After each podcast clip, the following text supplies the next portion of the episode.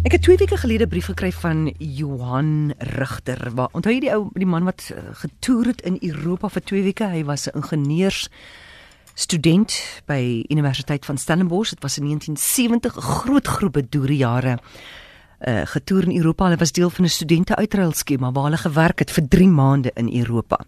Nou het hy weer vir my nog 'n brief gestuur. Nou daai storie is op potgoed. Jy kan daarna gaan luister.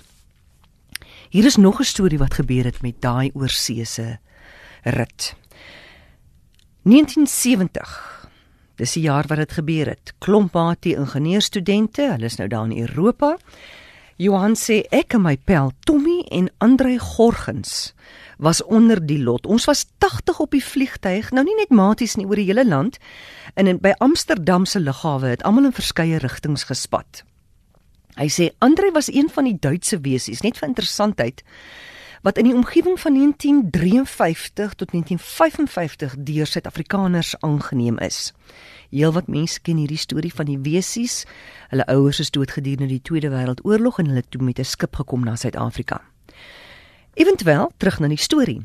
Nou skryf Johan, hy sê ek en Tommy het by 'n kragstasie in München gewerk en by 'n pension, so tipe losieshuis loseer. En Andre het by BMW se hoofkantoor gewerk en in studentekwartiere by die Nymphenburg Paleis geloseer. En dit is maar basies, dit was omgeskakelde perdestalle onder andere die waar hy nou gebly het. Nou sê Johan, al die maties wat in München gewerk het, het elke Saterdag in die middestad byeengekom om die dagtoer te beplan. Die derde Saterdag was Andre net nie meer daar nie. Ons kon hom nie opspoor nie. Maar na Nuwejaar toe spoel hy weer uit en dit lyk toe asof hy etlike spooke gesien het. Ons wou weet wat met hom aangaan. En sy storie was as volg. Hy sê party middag wanneer hy nou by die huis gekom het, het hy 'n pragtige meisie gesien wat op pad was om perd te gaan ry. Sy het hom later genooi om saam te gaan ry. En dit in Johan se woorde en hy het gou-gou geflor geraak op haar. Sy was die dogter van die paleis baron. Haar 21ste verjaarsdag was op hande en sy het hom genooi. Jong, dit was 'n grand affære en Andre het laag gelê.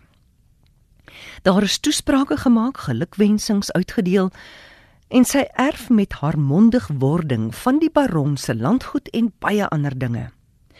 Die seremoniemeester maak toe 'n uitleg van die familiestamboom.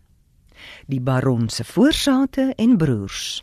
En hy noem die wat in die Tweede Wêreldoorlog dood is, onder andere ene Günther Gorgens wat geen oorlewende kinders gehad het nie. Andre het met 'n skok besef hulle praat van sy pa. Hy fluister toe in die meisie se oor wat hy sopas ontdek het. Sy gaan toe na haar pa met die storie en toe is daar pandemonium. Die einde van die aand erf Andrei die helfte van die meisie se erfporsie en die titel van baron Andrei. Dis die goeie nuus. Die slegte nuus is daai oulike meisie is toe nou ongelukkig sy niggie. hy sê dit is hoekom hy gelyk het asof hy 'n spook gesien het. Baron Andrei het nie saam met ons huis toe gekom nie. is dit nie wonderlik nie? Maar ek het toe heelwat vra oor hierdie storie. Ek wil weet nou maar Gitsman, het Andre dan toe nou sy studies voltooi by Stellenbosch? Uh het julle ooit weer van hom gehoor? Kyk nou, ons praat hier van die 70s. Dis die daarvoor selfone en internet en so aan. Hy sê hy weet nie hoe die storie toe verder ontwikkel nie, maar al wat hy weet is Johan Kriek was Andre se kamermaat op Stellenbosch. Nou Dit sal nie Johan Kriek, die bekende tennisspeler wees nie. Hy bly blykbaar nou in Amerika. Want anders sou Johan dit geweet het. So asseblief, iemand moet my help. Ons moet nou vir Johan Kriek opspoor. Ek weet daar's 'n sportverslaggewer met die naam van Johan. Ek dink is Johan Lip Kriek. Hy het afgetree. Ek weet nie, maar asseblief iemand help my dat ons vir Johan Kriek in die hande kan kry want Andre Gorgens is ooglopend nou nog in Duitsland. Hoekom nie?